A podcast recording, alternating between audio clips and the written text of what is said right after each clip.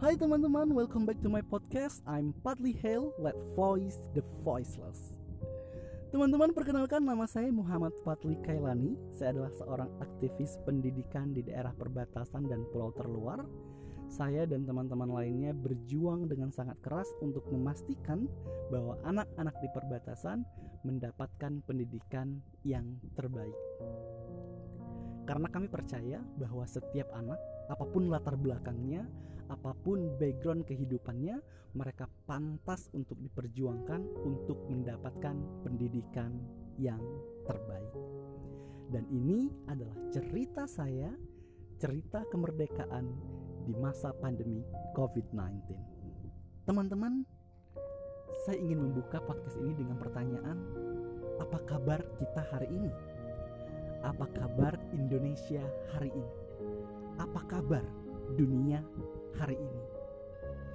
Saya percaya dan saya tahu bahwa kita sedang tidak baik-baik saja. Ada kesulitan, ada kekhawatiran, ada ketakutan dalam diri kita. Bahkan beberapa dari kita menyentuh titik terendah dalam hidupnya. Tapi melalui podcast ini saya ingin menyampaikan pesan dukungan dan semangat kepada siapa saja yang hari ini sedang putus asa, sedang berjuang, sedang takut, sedang khawatir. Saya yakin dan percaya suatu saat waktu itu akan tiba. Waktu di mana kita akan bersorak gembira karena COVID-19 telah membebaskan Indonesia.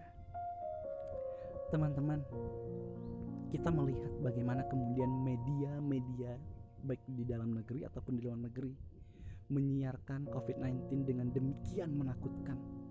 Jumlah korban jiwa terus bertambah. Bahkan kita tidak melihat secercah harapan pun bahwa COVID-19 akan selesai dalam waktu dekat. Tapi dunia seakan lupa. Dunia seakan-akan menutup mata COVID-19 tidak hanya menyerang kesehatan manusia, tidak hanya merenggut nyawa demi nyawa. Kita hanya berfokus pada hitungan angka kematian, tapi kita lupa untuk menjaga kehidupan, memberikan semangat dan harapan kepada mereka yang kehilangan arti kehidupan kepada mereka yang kehilangan pekerjaan, kepada mereka yang tidak bisa makan, kepada anak-anak yang kehilangan pendidikan, ataupun orang tua yang tidak tahu bagaimana caranya bertahan. Kita terlalu takut dengan tingginya angka kematian, kita terlalu takut dengan cepatnya penyebaran, tapi kita lupa menjaga kehidupan di daerah-daerah yang tidak terperhatikan, perbatasan. Kita tahu bahwa COVID-19 tidak hanya menyerang kesehatan manusia, tapi penyerang kondisi sosial yang sendung. Sesungguhnya, COVID-19 menyerang kehidupan masyarakat, baik dari sisi sosial, ekonomi, maupun pendidikan. Dan teman-teman, harus saya sampaikan, kondisi perbatasan tidak baik-baik saja. Sejak 8 bulan lalu, hampir seluruh masyarakat perbatasan kehilangan pekerjaan. Saya melihat sendiri, saya menemukan sendiri, bahkan mereka tidak tahu hari ini mereka harus makan apa. Saya menemukan anak-anak kelaparan karena orang tua mereka kehilangan pekerjaan. Tapi siapa yang peduli? Kami terlalu jauh dari kota kami terlalu jauh dari jangkauan pemerintah. Ini bukan sebuah keluhan, tapi ini adalah kondisi sesungguhnya yang ingin kami sampaikan. Ada dua hal yang menjadi fokus permasalahan di perbatasan. Yang pertama adalah kondisi ekonomi masyarakat, yang kedua adalah pendidikan. Sejak COVID-19 kepala keluarga atau pencari nafkah kehilangan pekerjaan mereka dan anak-anak terpaksa harus belajar dari rumah. Masalahnya adalah di perbatasan anak-anak tidak memiliki fasilitas gadget. Jangankan untuk gadget, untuk makan hari ini saja mereka sangat kesulitan. Dan kalaupun mereka punya gadget, orang tua mereka tidak punya uang untuk membeli paket atau kuota internet. Dan jika pun mereka beruntung, orang tuanya memiliki lebihan rezeki untuk membeli paket internet, mereka tidak punya sinyal. Mereka harus jalan ke kiloan meter untuk menjangkau daratan yang lebih tinggi untuk mendapatkan sinyal. Dan tiga kondisi ini membuat banyak orang tua dan anak-anak yang menyerah yang kemudian memutuskan untuk berhenti sekolah.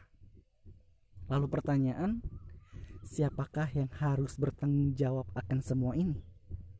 Siapakah yang harus disalahkan? Jawabannya tidak ada. Tidak ada yang bisa disalahkan karena ini adalah sebuah musibah, ini adalah sebuah wabah. Tapi kalau ditanyakan siapa yang harus bertanggung jawab, kita semua kita semua bertanggung jawab untuk bersama-sama berjuang menguatkan orang lain memberikan kekuatan memberikan harapan memberikan motivasi untuk meyakinkan siapa saja yang ada di lingkungan kita untuk berjuang dengan cara terbaik yang kita tahu. Dari kondisi masalah sosial tersebut saya dan teman-teman kemudian berinisiasi untuk membentuk gerakan sosial yang kita sebut dengan Istana Bintan jadi Istana Bintan adalah salah satu proyek sosial yang kami jalani untuk berjuang bersama masyarakat perbatasan melawan COVID-19. Yang pertama adalah kita mendirikan home industry di mana home industry ini mempekerjakan ibu-ibu di perbatasan termasuk bapak-bapaknya di beberapa bagian untuk memproduksi makanan-makanan khas lokal maupun produk-produk khas lokal yang kemudian bisa dijual ataupun bermanfaat untuk mendukung ekonomi mereka. Sederhananya, setidaknya paling sederhana output dari program ini adalah mereka bisa makan hari ini. Sesederhana itu. Mau itu 10 ribu, 20 ribu, atau 50 ribu sehari, setidaknya mereka memiliki penghasilan untuk mereka gunakan membeli bahan makanan sampai COVID-19 ini selesai sederhananya home industry ini adalah salah satu wadah mereka bertahan sampai nanti mereka dapat kembali bekerja secara normal. Jadi home industry ini mempekerjakan ibu-ibu dan bapak-bapak memproduksi makanan lokal yang kemudian mereka bisa jual dan kita bantu juga mempromosikannya melalui sosial media karena mereka tidak punya sosial media.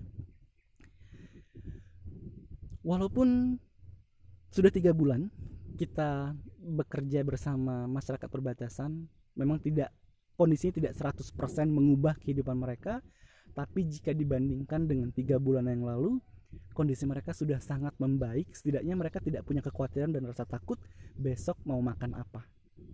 Dan selain itu juga Istana Bintan juga fokus pada pendidikan anak-anak karena anak-anak tidak memiliki handphone, kuota dan bahkan sinyal. Jadi kami merekrut 20 orang volunteer untuk membantu anak-anak belajar dari rumah gitu. Karena salah satu eh, kesulitan bagi masyarakat perbatasan ketika mereka harus belajar dari rumah adalah mereka harus didampingi sama orang tuanya.